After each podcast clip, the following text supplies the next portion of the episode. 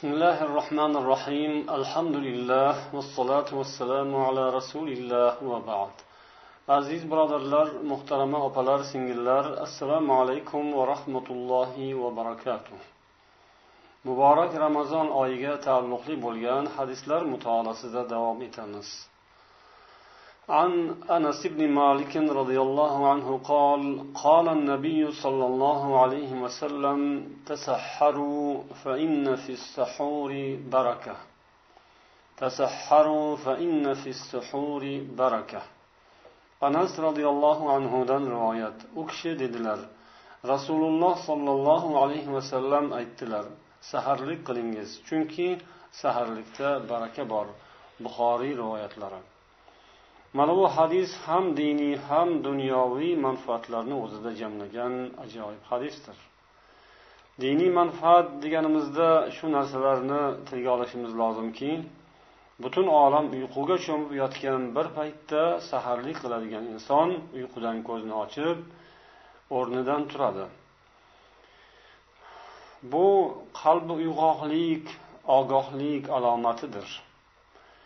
Mana bunday inson hamisha ogoh va hech uxlamaydigan doimo uyg'oq bo'lgan zot ulug' ollohning nazariga tushadi albatta.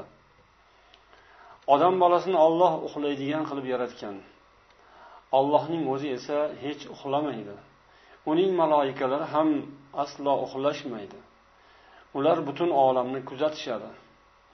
Olam bir kunning yarmida uxlaydi yarmida o'rnidan turib harakat qiladi. Taqriban deylik dunyoning yarmi uxlayotgan payt. Millionlab milliardlab odamlar uyquga ketayotgan yoki uxlab yotgan paytda ularning ishlaridan banogoh uyqudan ko'z ochib o'rnlaridan turib bosh ko'tarib turadigan insonlar.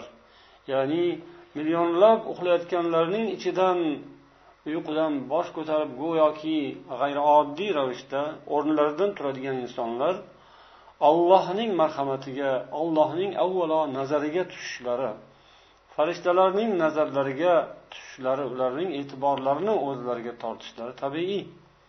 Bular nima uchun o'rnlaridan turyaptilar? Hamma uxlab yotgan payti uyqu payti butun olam butun olam uyquga cho'mgan payt bu insonlar nima uchun endi uyqudan uyqudan voz kechib tunning qoq o'rtasida yoki tun yarmidan oqqandan keyin o'rnidan turyaptilar ular ulug' alloh taoloning chaqirig'iga binoan rasulullohning da'vatlariga binoan ularga labbay deb ijobat qilib o'rnlaridan turgan insonlar ular ertangi kun uchun tayyorgarlik ko'rib ertangi bo'ladigan kundagi ro'za ibodatini bajo qilishni niyat qilib o'rnlaridan turayotgan insonlar.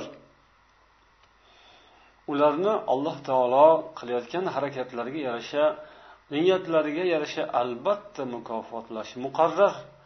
Bunday insonlar alloh taoloning barakotlariga munosib bo'ladigan odamlar. Olloh ana shunday bandalarini qilgan niyatlari va shunday shirin uyqudan voz kechib o'rnlaridan turib ertangi kunning ertangi kunning tadorikini ko'rishlarini ertangi ro'za ibodatiga tayyorgarlik qilib saharlik qilishlarini kuzatar ekan albatta ularga o'zining rahmatlarini barakotlarini yog'diradi. Saharlikda baraka bor.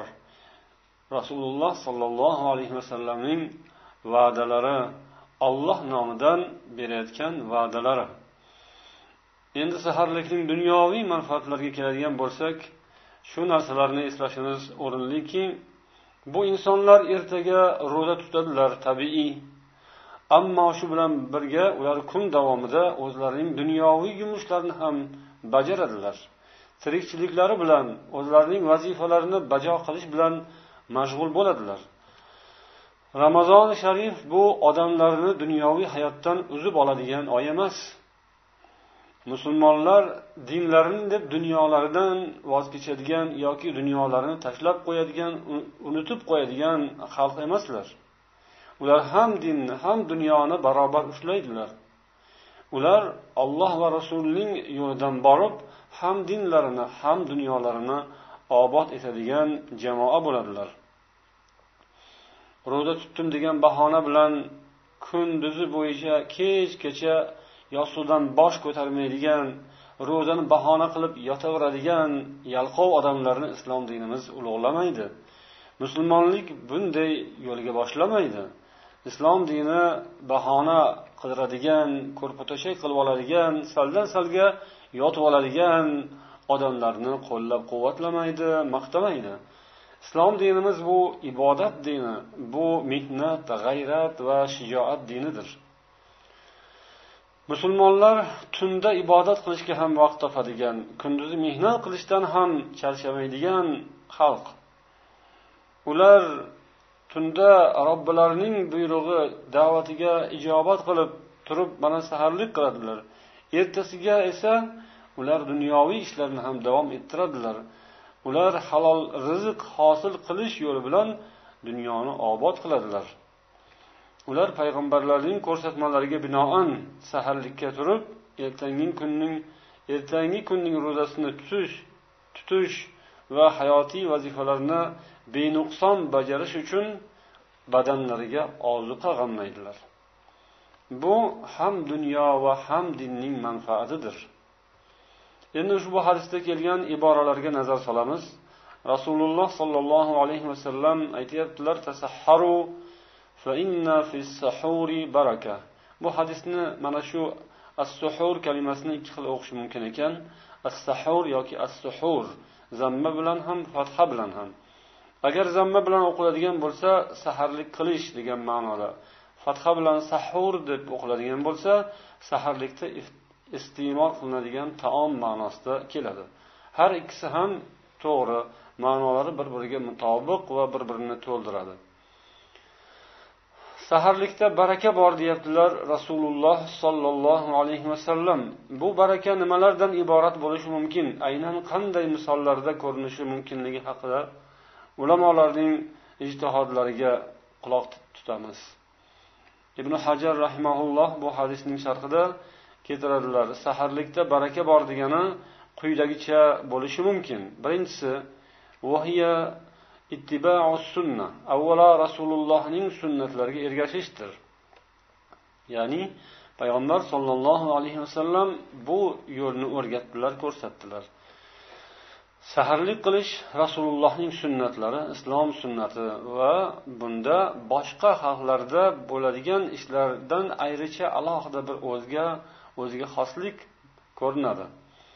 Bu narsa ikkinchi hikmatida ifodalanadi. Ya'ni baraka deganning ikkinchi sirri muxolafatu ahli kitob.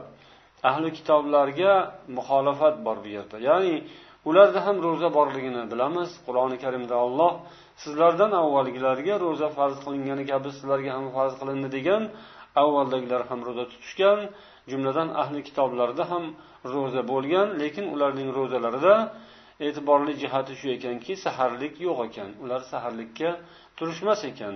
Demak musulmonlarda ro'za saharlik bilan boshlanadi. Uchinchisi ibodatga quvvat hosil qilinadi. Ya'ni ertangi kunning ibodati ro'za ibodatini qiynalmasdan tutish uchun quvvat hosil qilish uchun saharlikka turiladi. To'rtinchisi inson o'zining g'ayrati shijoatini g'ayratini mehnat yo'lida g'ayratini kamaytirmaslik balki shu ziyoda bo'lishi o'sha narsa o'zining me'yorida saqlanib turishi ham bu saharlikdan ko'zlangan hikmat. Ya'ni inson ana shu saharlik sababi bilan alloh ato qiladigan quvvat bilan ertangi vazifalarni bajaradi.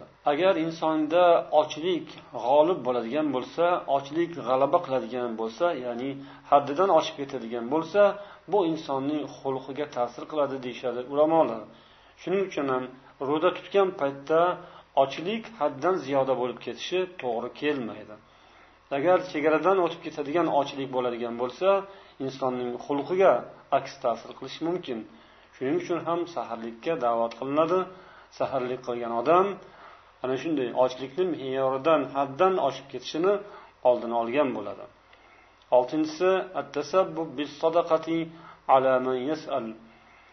sadaqa qilishga inson sabab bo'lishi mumkin ana shu saharlik sabab bo'ladi o'sha paytda demak insonlar ehtimolki bir birlarining holatlaridan xabardor bo'lishlari ya'ni saharlikka turilmagan odamga uyg'otishlari va unga ham saharlik taomidan e, tanovul qilish uchun nasiba uzatishlari bu ehsonga sadaqaga sabab bo'ladi التسبب للذكر والدعاء وقت مظنة الإجابة duolar qabul bo'ladi deb umid qilinadigan payt bo'ladi. Saharlikka turgan odam zikr qiladi duo qiladi istig'for aytadi alloh taoloni eslaydi oxiratni eslaydi. Oxiratni eslagani uchun o'rnidan turgan bo'ladi. Bu unga ko'p savoblar ajrlar va barakalar kelishiga sabab bo'ladi. Va sakkizinchisi tadaruku niyati savm liman uxlashdan oldin agar niyat qilish esdan chiqqan bo'lsa bu odam saharlikka turish bilan niyatni yangilagan bo'ladi. Ya'ni ro'za albatta niyat bilan ro'za bo'ladi. Niyatsiz och qolgan yoki suvsiz qolgan bo'lsa ertadan kechgacha ro'zadorlarga mutobiq ravishda tongdan to shomga qadar ovqat yemasdan suv ichmasdan yurgan bo'lsa niyat qilmagan bo'lsa u ro'za hisoblanmaydi albatta.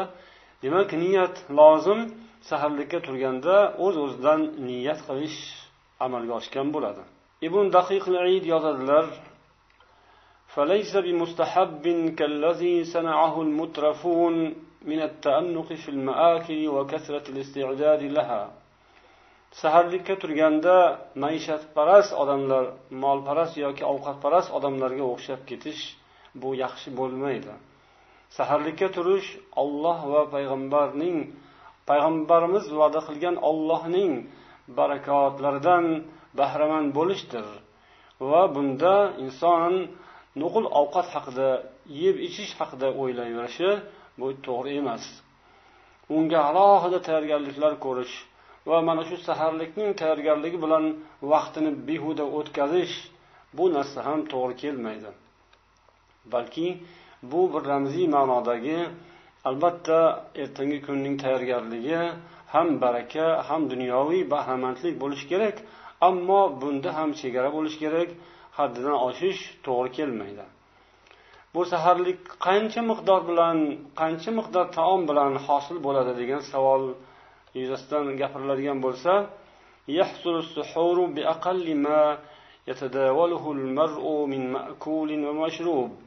inson yeb ichadigan eng ozgina miqdorda ham saharlik hosil bo'lishi mumkin deydilar ibn hajar rahimaulloh ya'ni hatto bir qultum suv bilan bo'lsa ham saharlik qilingiz deganlar payg'ambar sollallohu alayhi vasallam. Saharlikning barakotlaridan bebahra qolmangiz bir dona xurmo bilan bo'lsa ham yoki bir ho'plam suv bilan bo'lsa ham saharlik qilingiz deganlar. Said ibn mansurning rivoyatlarida tasahharu valau bi luqmatin deb kelgan. Bir luqma bilan bo'lsa ham saharlik qilingiz. Ya'ni saharlikning miqdorini oz ko'pligining chegarasi yo'q. Bu endi odatga qarab insonning holatiga qarab bo'ladi. To'yguncha yeyishi mumkin. Kami esa o'rnidan shunday turib allohni bir zikrini qilib yodini qilib bir ho'plam suv ichsa ham yoki bir dona xurmo yesa ham agar shu unga kifoya qiladigan bo'lsa yoki deylik uning ixtiyorida bori shu bo'ladigan bo'lsa insonning moddiy holati har xil bu ham saharlikka kifoya bo'ladi. Ya'ni uyda hech narsasi yo'q yeydigan taomi yo'q odam bo'lsayu kambag'al faqir ro'za tutadigan payt kelganda baribir turganim bilan nimayam yerdim uyimda hech narsa yo'q degan umidsizlik bilan yotaverish kerak emas. Balki o'sha ham o'rnidan turib alloh taolo beradigan barakadan umid qilish kerak. U moddiy narsaning bor yo'qligidan yoki oz ko'pligidan emas.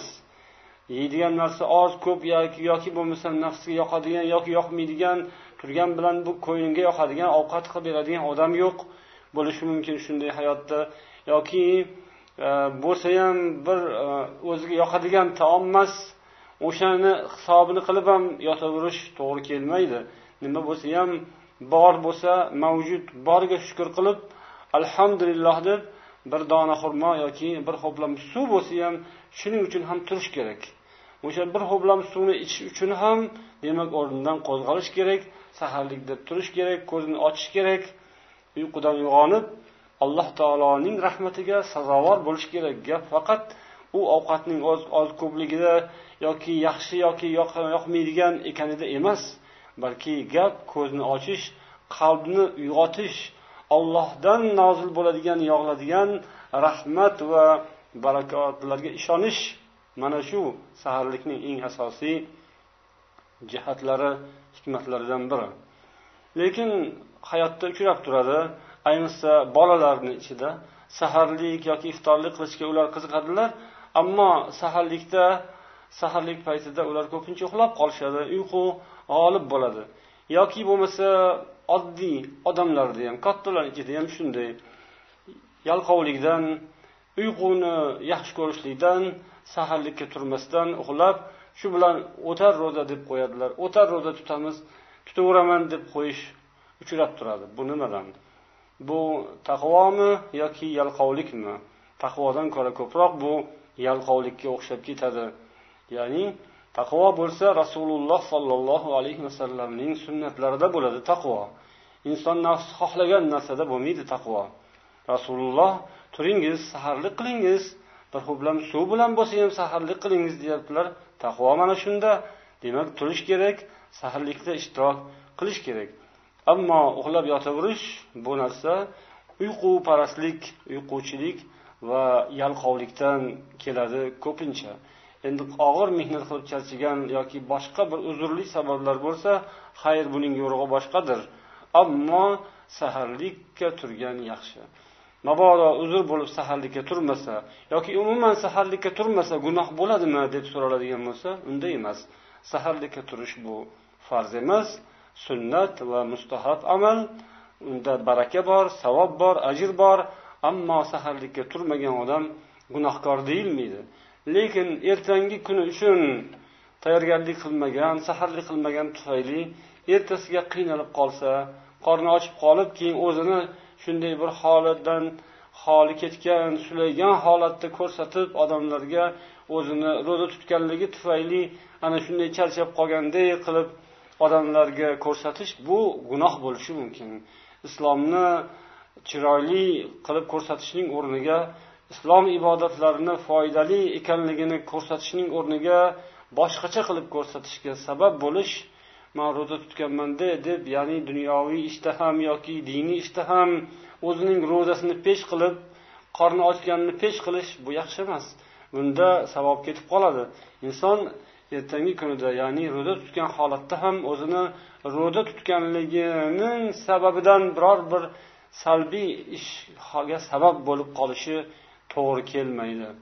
Islom dinimizni bu ibodatlari bizga buyurgan ibodatlari o'zimizning foydamiz uchun buyurilgan ekanmi endi uni chiroyli qilib ko'rsatishimiz kerak. Uning qadriga ham o'zimiz yetishimiz lozim bo'ladi. Mabodo saharlikka uxlab qolgan odam nima qiladi? Ya'ni o'rnidan turgan paytda qarasa kun tong otish yaqinlashib qolgan ekan. Tong otgan bo'lsa bo'ldi u odam narsa yeyishi to'g'ri kelmaydi. Agar ozgina vaqt qolgan bo'lsa unda bir qultum suv ichib olishi yaxshi. Bu baraka. Agar saharlik qilaman deb vaqtini o'tkazib yuboradigan bo'lsa aniq vaqti o'tib ketgan bo'lsa u odamning ro'zasi ochilgan bo'ladi va u o'sha kunning ro'zasini qazo qilib tutib beradi. Kunduzi ovqat yeyishi mumkin emas ro'zaning hurmatini saqlash kerak. Bu kechagi o'qiganimiz hadisdan kelib chiqadigan xulosa ya'ni asmo roziyallohu anhodan rivoyat bo'lgan hadisda rasululloh sollallohu alayhi vasallam davrlarida kun botmasdan og'zimizni ochib qo'ydik deganlar jumhur ulamolar bunda qazo vojib bo'ladi deyishgan. Xuddi mana shunga o'xshab saharlik vaqtini o'tkazib yuborib agar iste'mol qilgan bo'lsa ovqatni bu odam ham ro'zasi ochilgan bo'ladi va bir kunini qaytadan tutib berish kerak. Agar u bilmasdan yegan bo'lsa va keyin ma'lum bo'lib qoldiki saharlik vaqti tugagan ekan buning ham ro'zasi ochiladi. Saharlikda baraka bor bunda ajoyib bir ibrat saboq bor. Saharlik qilish ertangi kun uchun tayyorgarlik ekan. Bu bu dunyodagi hayotimiz ertangi hayotimiz ertangi kunimiz ya'ni qiyomat kuniga tayyorgarlikdir. Mana bu jihatidan ham bir tashbih qilsa bo'ladiki ko'p odam bu dunyoda g'ofillik bilan umr o'tkazadi qiyomatni o'ylamaydi oxiratdagi hayot uchun tayyorgarlik ko'rmaydi ibodat qilmaydi. Bunday odamlarning misoli xuddi kechasi bilan uxlab yotib ertasiga ro'zaga duch kelgan insonlarga o'xshab ketadi. Saharlikka turmagan tayyorgarlik qilmagan ertangi ham ro'za ham dunyo hayot davom etadi. Ikkalasini ham ushlash kerak ikkalasiga ham amal qilish kerak. Buning uchun bu kecha tayyorgarlik ko'rish kerak. Shunga o'xshab bu dunyo hayotida chiroyli ibodat qilsa halol mehnat qilsa oxirat hayotiga borganda odam qiynalmaydi. Oxirat uyi ana u haqiqiy hayotdir degan alloh taolo. Bu dunyo hayoti uyquga o'xshab ketadi. Ertangi hayot qiyomat hayoti xuddi tong otib hamma ko'zini ochib dunyoda nima bor nima yo'q ko'rinadi. Yaqqol ko'rinadi. Qiyomat kuni shunday bo'ladi. Hozir kechasida ko'rinmaydi ertangi kunda bo'ladigan hodisalar holatlar. Bu saharlik ro'za ertangi kunning ibodati uchun tayyorgarlikda juda ham keng ma'nolar bor ekan. Alloh barchamizga tavfiq hidoyat nasib aylasin. Vassalomu alaykum va rahmatullohi va barakatuh.